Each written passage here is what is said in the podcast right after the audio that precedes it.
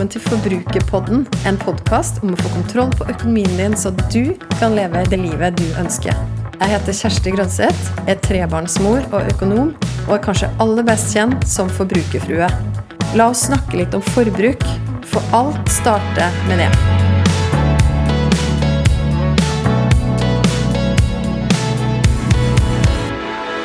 Jeg våkna en morgen brått og brutalt av tre små barn som hadde klart å smyge seg opp i senga i løpet av natta.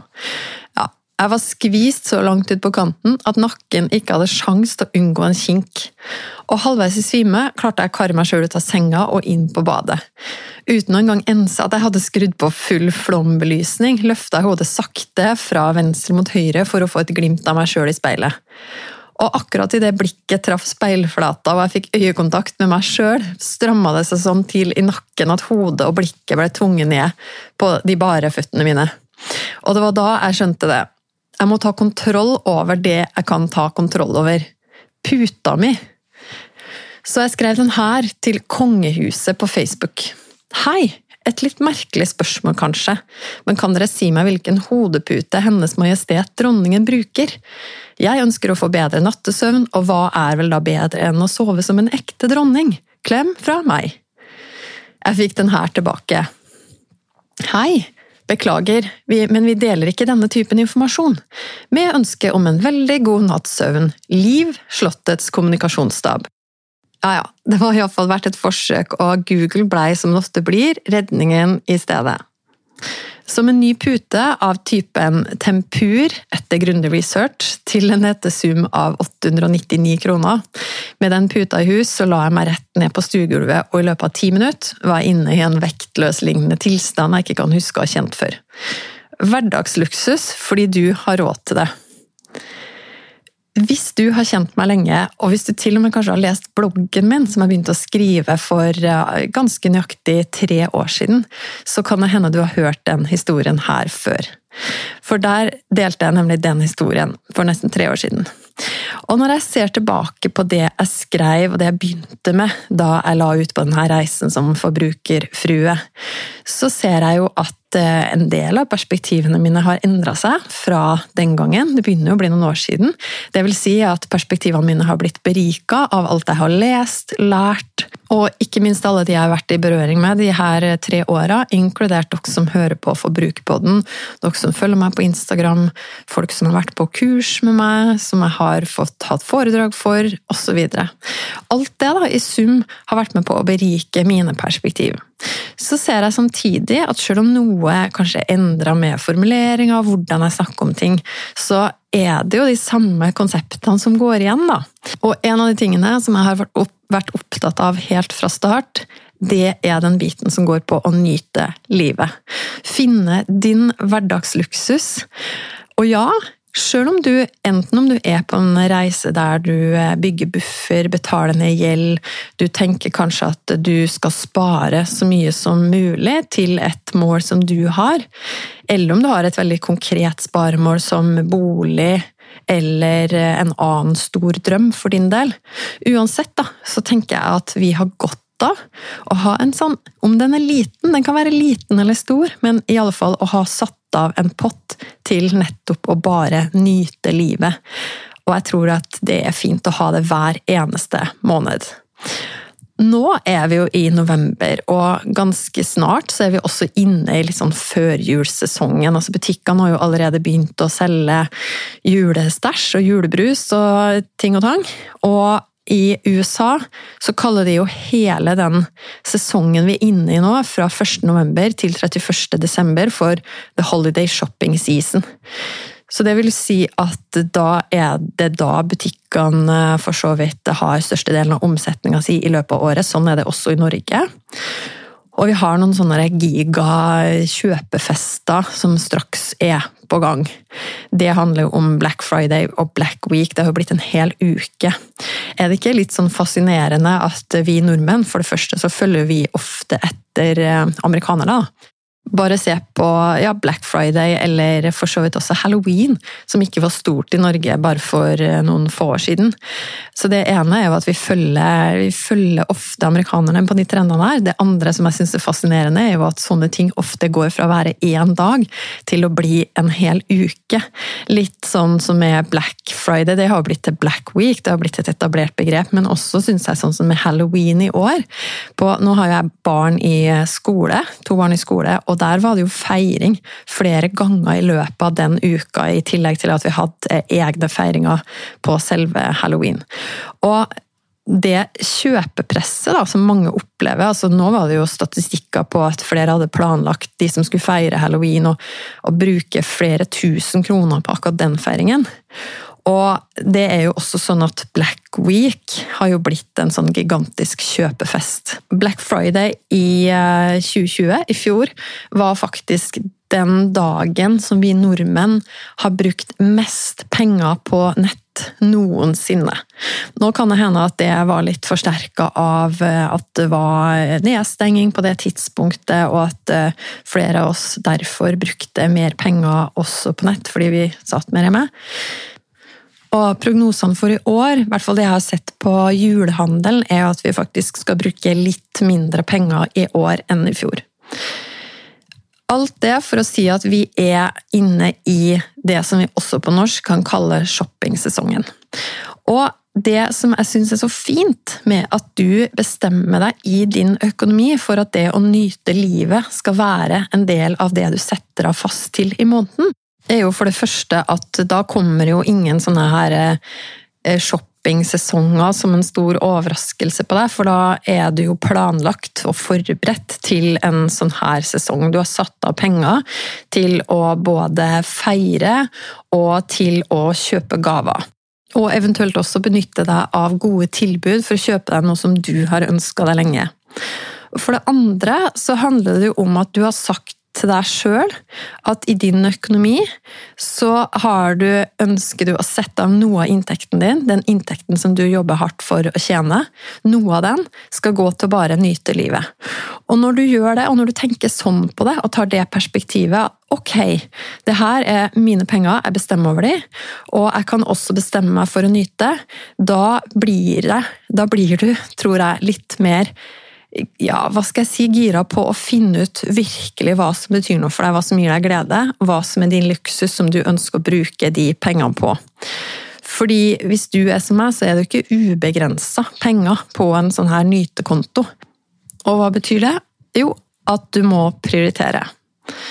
Så mitt beste tips er jo å bruke litt tid på å finne ut hva det er som er din luksus. Hva som gjør at du kan leve som en dronning eller konge. Uavhengig av hvor mye du tjener, eller hvor mye du har på konto. Og for noen så får de jo følelsen av ren nytelse når de tar seg råd til små luksusvaner i hverdagen. Som take away-kaffen din på vei til jobb, eller noen nye, freshe sokker bare fordi du har lyst på det. For andre så er det jo følelsen av å kunne spandere, invitere og være sjenerøs, både planlagt og spontant, som topper lista. Hva er det som er nytelse for deg? Hva er det du ønsker å bruke dine nytepenger på? Det ønsker jeg at du skal bli bevisst på i løpet av denne episoden. Hvis du kjenner deg litt blank akkurat nå, eller kanskje du ikke har satt av et fast beløp i måneden til å bare nyte, så kan du begynne å se på hva du da har brukt penger på i det siste. Så du kan f.eks. ta fram kontoutskriften din fra forrige måned, fra oktober. Det er jo sikkert en ganske sånn gjennomsnittlig måned for deg. Det er ikke noe ferie nødvendigvis, eller noe sånn spesielt. Ja, halloween snakka vi om, da, kanskje du brukte litt ekstra der. Men finn fram kontoutskriften fra oktober, og finn ut der alle beløp som går, har gått ut av kontoen, som handler om å nyte. Og det, da kan du jo se etter sånne ting som eh, du kjenner igjen på f.eks. Kaffebrenneriet. Det er typisk den takeaway-kaffen din. Eller hvis du har kjøpt noen velværeprodukter til deg sjøl, sånn som for min kontoutskrift for oktober, så står det f.eks. Rituals et par ganger. Og så videre. Så finner du ut hva som har vært din luksus som du har unna deg i oktober. Og når du går gjennom linje for linje, så spør du deg sjøl det du kjøpte, kan du huske hva det var? Og neste spørsmål er ga det deg glede? Og svaret på det er enten ja eller nei. Og hvis svaret er ja, er det her noe som du ønsker å fortsette å bruke penger på? Hvis svaret er nei, så er det et signal til deg sjøl om at det her er noe du kanskje skal slutte å kjøpe. Og hvis det er noe du ikke husker hva var for noe, hvis du klarer å identifisere fra kontoutskriften hvor du har kjøpt det, hvilken butikk, men du, bare husker ikke hva det var, så kan det jo være et tegn på at det ikke ga deg spesielt mye glede. Det kan jo ha vært penger som du brukte impulsivt, og som du dermed kanskje ikke ønsker å ha som en del av det du bruker nytepengene dine på. Så når du har gjort det her da, for hele kontoutskriften din, og tar gjerne altså flere måneder bakover, så har du blitt mye mer bevisst, forhåpentligvis, på hva som gir deg glede. Og da gir det mening, tenker jeg, å bruke mest mulig av dine lommepenger på det her, og minst mulig på alt det andre. I forrige episode av Forbrukerpodden så refererte jeg til en bok som heter Happy Money – The Science of Happier Spending. Og der skriver jo forfatterne Elisabeth Dunn og Michael Norton om at du faktisk kan kjøpe deg lykke. Yes, helt riktig, men det kommer helt an på hva du kjøper og hva du bruker pengene dine på. Fordi som jeg snakka om også forrige gang, forskninga viser til de to her, viser nemlig at vi har en tendens til å angre når vi kjøper ting, og at det er særlig to grunner til at det er sånn. For det første så er jo ting veldig enkelt å sammenligne. Det betyr at når du har kjøpt noe, så er det jo veldig lett å se om naboen har noe bedre eller mer av den samme tingen. Og hvis du bestemmer deg for at det naboen din eh, har er bedre, nyere, eller at naboen din har flere ting, så har det en tendens til å redusere din egen lykke. Og for det andre så er jo vi mennesker veldig tilpasningsdyktige, som jo i seg sjøl er en god ting, men når det kommer til forbruk, så kan regninga bli høy. Vi tilpasser oss så lett at det som en gang var nytt og fresht, raskt blir vanlig og rutine. Så hvis vi jakter på følelsen som nye ting gir oss, så må vi ofte ha tak i flere ting. Så hvis du først skal bruke penger på ting, bruk det på noe du ikke kjøper hver dag. Så hvis de der freshe sokkeeksempelet, hvis du gikk ut hver eneste dag, eller hver uke for den del, og kjøpte nye sokker, så er det ikke sikkert at det hadde føltes like, like luksus som hvis du gjør det litt sjeldnere. Og så, som jeg også snakka om i forrige episode, når det gjelder opplevelser, da, i motsetning til ting, så viser jo de her forfatterne til forskning som viser at vi angrer mer på opplevelser vi ikke valgte å bruke penger på, enn om vi skulle brukt pengene. Og De påpeker i tillegg at opplevelser gir oss jo enda mer enn det vi betaler for der og da. Fordi over tid har hjernen nemlig en tendens til å forsterke positive minner, sånn at vi kan glede oss over en opplevelse i lang tid etter at vi har hatt den. Kjenner du deg igjen i det? Det gjør iallfall jeg. Så det er den ene delen av nytepotten din, altså det, du, det som er din luksus i hverdagen, det du bruker dine lommepenger på. Den andre delen går jo på det med fest og feiring. Og uansett om du har få eller mange folk rundt deg, har du mest sannsynlig noen anledninger i løpet av et år som du liker å feire. Og jo flere du har, jo flere anledninger har du. Det som i utgangspunktet er noe av det aller hyggeligste kanskje å bruke penger på, kan jo fort bli stress hvis du opplever at det kommer brått på hver gang. Den gode nyheten er at det finnes en formel for hvor mye du trenger å sette av for å ha full kontroll, og det finnes en måte å regne det ut på.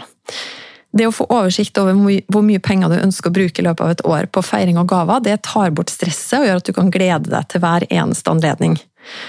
Og formelen den er enkel. Det første du må gjøre, det er å finne ut cirka hvor mange bursdager du skal feire i løpet av et år. Så må du tenke gjennom og bestemme deg for cirka hvor mye du ønsker å bruke på gaver hver gang. Og antall feiringer ganger med beløp per feiring gir deg totalsummen. Neste steg er å tenke gjennom andre anledninger. Hvor ofte ønsker du å gå ut og spise? Hvor mange ganger i løpet av en måned er du på besøk hos folk hvor du ønsker å ha med en liten gave? Eller det kan være større anledninger som du også skal planlegge større feiringer. De her anledningene kan jo være litt vanskeligere å planlegge en bursdag, men hvis du bruker litt tid på å tenke gjennom det, har du iallfall et utgangspunkt på hvor mye du ønsker å sette av i måneden. Og så kommer jul, og den kommer jo snart, og hvis du ikke har begynt å sette av penger til jul ennå, så kan det være en veldig smart ting å gjøre det nå. Hvor mye ønsker du å bruke på julegaver og julekos? Fordi Mest sannsynlig så bruker du mer penger nå i november og desember enn du gjør på feiring og gaver ellers i året. For hvert år som går, så er jo trenden ofte at vi bruker mer penger på julegaver. Ja, kanskje det blir litt annerledes i år, da, siden i fjor var så rekordhøy. Samtidig så er mitt inntrykk at stadig flere familier finner gaver som ikke handler om å øke forbruket og sprenge budsjettet. Og noe av det viktigste når det gjelder julegaver, er jo å avklare forventningene. Spør de du skal gi gaver til, hva de blir aller mest glad for å få, og kanskje blir du overraska. Ok, nå kommer en, et litt eh, vanskelig punkt.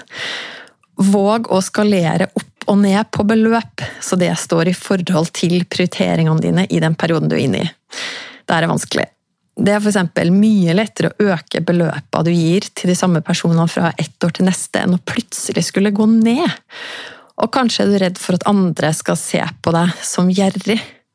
Men hva hvis du har opplevd endringer i økonomien din i år, eller du har valgt å gjøre om på prioriteringene dine fordi du betaler ned gjeld, bygger buffer eller kanskje sparer til noe du drømmer om? Er det da verdt det å ofre dine mål for å unngå å bli sett på som gjerrig? Det her er vanskelig, det er det. Men det finnes måter du kan kanskje gjøre det litt lettere for deg sjøl i en sånn situasjon. Hvis et helt konkret tips, da, hvis noen spør deg hvor mye dere skal bruke på gaver til hverandre, så går det jo an at du sier at til den andre personen at vet du hva, jeg ønsker at du skal bruke så mye som du vil prioritere sjøl, og jeg vil også gjøre det samme. Da vil jeg mye heller at den gaven som du gir meg, er noe som du tenkte når du så den gaven, så tenkte du på meg. Uavhengig av beløp. Ok? Det er lov å øve seg på det her, altså. Kanskje du kan øve deg i den aller nærmeste familien nå de neste månedene, hvis du får det spørsmålet. Så når du da regner ut totalsummen du skal bruke på fest og feiring, ved å legge sammen bursdager, jul og andre anledninger, så kan du jo dele det tallet på tolv, så får du et gjennomsnitt på hvor mye det blir i måneden. Men pass på at noen måneder så trenger du mindre, andre måneder trenger du mer. Hvis alle i familien har bursdag på sommeren, kan det jo være skikkelig smart å planlegge noen av de her månedene litt ekstra. Eller sånn som nå, til jul, kanskje du skal ta da hele hvis du planlegger ja, Enten så planlegger du å kjøpe julegaver nå i november. Da kan du jo bruke nytepengene dine for november nå. Men hvis du har planlagt å kjøpe julegaver i desember og ikke har spart opp penger til jul allerede, så kan du jo sette av det beløpet du vanligvis da kanskje ville brukt på andre ting nå i november, nettopp til julefeiring. Ok, så det var ganske konkret og praktisk. Og når du nå har funnet ut hva du vil unne deg sjøl, og hvor mye du vil feste og feire i løpet av et år, så skylder du deg sjøl å få mest mulig ut av pengene du setter av til det her. Og sjøl om du har bestemt deg for din sum, så vil det komme fristelser på veien som i verste fall gjør at du ikke får brukt pengene dine på det du egentlig ønsker. Og det er nettopp derfor da, det er greit å være forberedt. Og Vi snakka litt om denne shoppingsesongen. Og jeg har en episode som jeg spilte inn for ganske nøyaktig et, ja, litt over ett år siden, som er helt konkret på det, som du kan gå tilbake og finne i biblioteket ditt, der du hører på podkast, som heter 'Hvordan du kan forberede deg på shoppingsesongen'. Clouet der er at eh, bedriftene, de som skal selge deg ting, de er jo tidlig ute, de, og kanskje tidligere og tidligere ute for hvert år, med å skreddersy sine budskap og kanaler hvor de ønsker å møte deg og treffe deg. Så det er faktisk noen konkrete ting som du også kan gjøre for å forberede deg litt på samme måte som butikkene gjør. Det siste jeg vil snakke om i denne episoden, det er hvordan prioriteringene dine på å nyte livet ser ut sammenligna med alt det andre som du også ønsker å bruke pengene dine på. Fordi hvis du har eh, funnet ut hvor mye du har i levekostnader hver måned, dvs. Si alt du trenger for å leve, fra tak over hodet, klær, mat på bordet, transport, så du kan komme deg plasser, Netflix, telefonabonnement, alt det som du trenger for å leve i din hverdag. Hvis du vet hvor mye du bruker på det, og har regna ut også hvor mye det utgjør av inntekten din, så vet du jo hvor mye du har igjen å bruke hver eneste måned. La oss si at det er sånn 60-70% Og hvis det er 60% så har du da 40% igjen av inntekten din å bruke på andre ting. Og så er det jo helt sikkert sånn, mest sannsynlig i hvert fall, at du har noen langsiktige sparemål. Kanskje sparer du opp til buffer, kanskje du driver og betaler ned ekstra på lån. Eller kanskje sparer du til pensjon, investerer i aksjefond, den aller mest langsiktige sparingen. Og det skal jo også da gå av den 40 -en. Og så har du kanskje også noen eh, helt konkrete drømmer. Noe du sparer til. Det kan være en lengre reise, eller du ønsker å spare opp penger til å realisere en idé som du har, en businessidé. Eller eh, du ønsker å ta litt ulønna permisjon hvis du har små barn. Det kan være veldig mange ting. Eller det kan være det å spare til bolig, som jeg vet at også flere av dere som hører på, gjør. Så da er det jo også sånn at de tingene skal gå av den samme 40 og det som gjenstår da, det er jo egentlig de pengene som du kan bruke på å nyte livet. Og det er også en sånn fin måte å sjekke ut litt, ok, hvis du regna ut i sted da, hvor mye du ønsker å bruke i løpet av et år, så blir jo det en sånn fin reality check opp mot hvor mye du faktisk har igjen. Og hvis du da ser at du egentlig kan tenke deg å bruke mer penger på å nyte enn det du ja, har råd til eller kan prioritere, gitt det andre som du også ønsker å prioritere, da er det jo to ting du kan gjøre. Det ene det er jo å forsøke å kutte noen kostnader, og da er det typisk levekostnadene som kanskje er mest aktuelt å kutte. Og så er det jo det å rydde opp i den impulsshoppingen du gjør, som jo for så vidt er en del av nytedelen av kaka di, men som ikke nødvendigvis gir deg glede. Det er jo to sånne ganske enkle grep som du kan gjøre. Det er kanskje verre hvis du begynner å se at åh, men jeg vil jo egentlig sette av mer penger til langsiktig eh, sparing, til pensjon eller sparing til barn, eller eh, noe annet som du ønsker å sette av penger til å spare til på lang sikt. Det er kanskje verre da å se det opp mot det du også ønsker å bruke på å nyte i dag.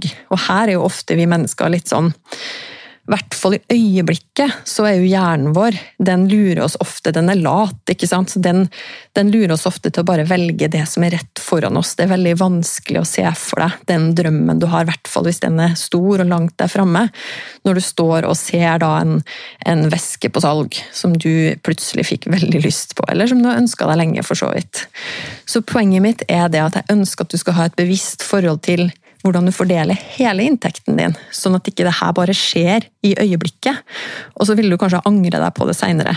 Det andre du kan gjøre hvis du ser at åh, jeg skulle gjerne hatt mer penger til akkurat det å nyte, er å se på om du kan øke inntekten din. Øke størrelsen på hele kaka, sånn at du også får mer til da, blant annet å nyte. Enten å se på om du kan gjøre det i den jobben du har nå, gjennom å ta noen ekstra vakter hvis du har mulighet til det, kanskje noe spesielt før jul, hvis du ønsker å ha litt ekstra til julefeiringen. Eller om du også kan begynne å forberede deg på lønnsforhandlinger som kanskje kommer til våren. Jeg vet ikke hvordan det er i akkurat din bransje. Jeg vet også at det er ikke alle yrker der det er så veldig lett. Uansett hvor mye du gjør, så føles det som at du har veldig lite å gå på når det kommer til lønn. Men er det da andre måter som du kan se på om du kan få inn noe ekstra inntekt på? Og der gjelder det egentlig bare å være kreativ og tenke på kan du leie ut noe som du allerede eier? Kan du ta småjobber her og der, eller kan du bruke noe som du er god på, og begynne å, å tilby det til andre, sånn at du kanskje ender opp med å starte deg din egen lille bedrift? Der er det mange muligheter. Og så kan det jo hende at du ikke blir så særlig motivert av å jobbe mer for å kunne nyte mer, eller kanskje blir du det. Uansett så er poenget mitt igjen at jeg vil at du skal ha et veldig bevisst forhold til de tinga her. At du bruker penger som du har råd til å bruke, som du har satt av til å nyte. At du ikke bare faller for fristelser som kommer til å komme nå, den, de månedene som vi har foran oss, med alle tilbud og alt du måtte føle på av press rundt jul og julefeiring. Jeg vil at du skal ha et bevisst forhold til alle dine prioriteringer, og jeg ønsker for deg, jeg unner deg det, at du også skal kunne sette av et beløp, uansett stort eller lite, på nettopp det å nyte livet. Så nå gjenstår det for meg i denne episoden bare å ønske deg en nydelig dag, Og stopp gjerne opp, da. Alle de ganger du tenker å kjøpe noe, er det faktisk det her som gir deg mest glede nå? Og på litt lengre sikt, når du også veier det her opp mot de måla som du har. Jeg vil gjerne vite hva du tenker etter å ha hørt episoden. Så koble med meg på Instagram. Der finner du meg som forbrukerfrue. Send meg en melding. Tagg meg gjerne i Story og del episoden her hvis du likte den. Eller send meg spørsmål. Og husk å abonnere på podkasten Forbrukerpodden, så får du beskjed hver gang det kommer en ny episode. Vi høres!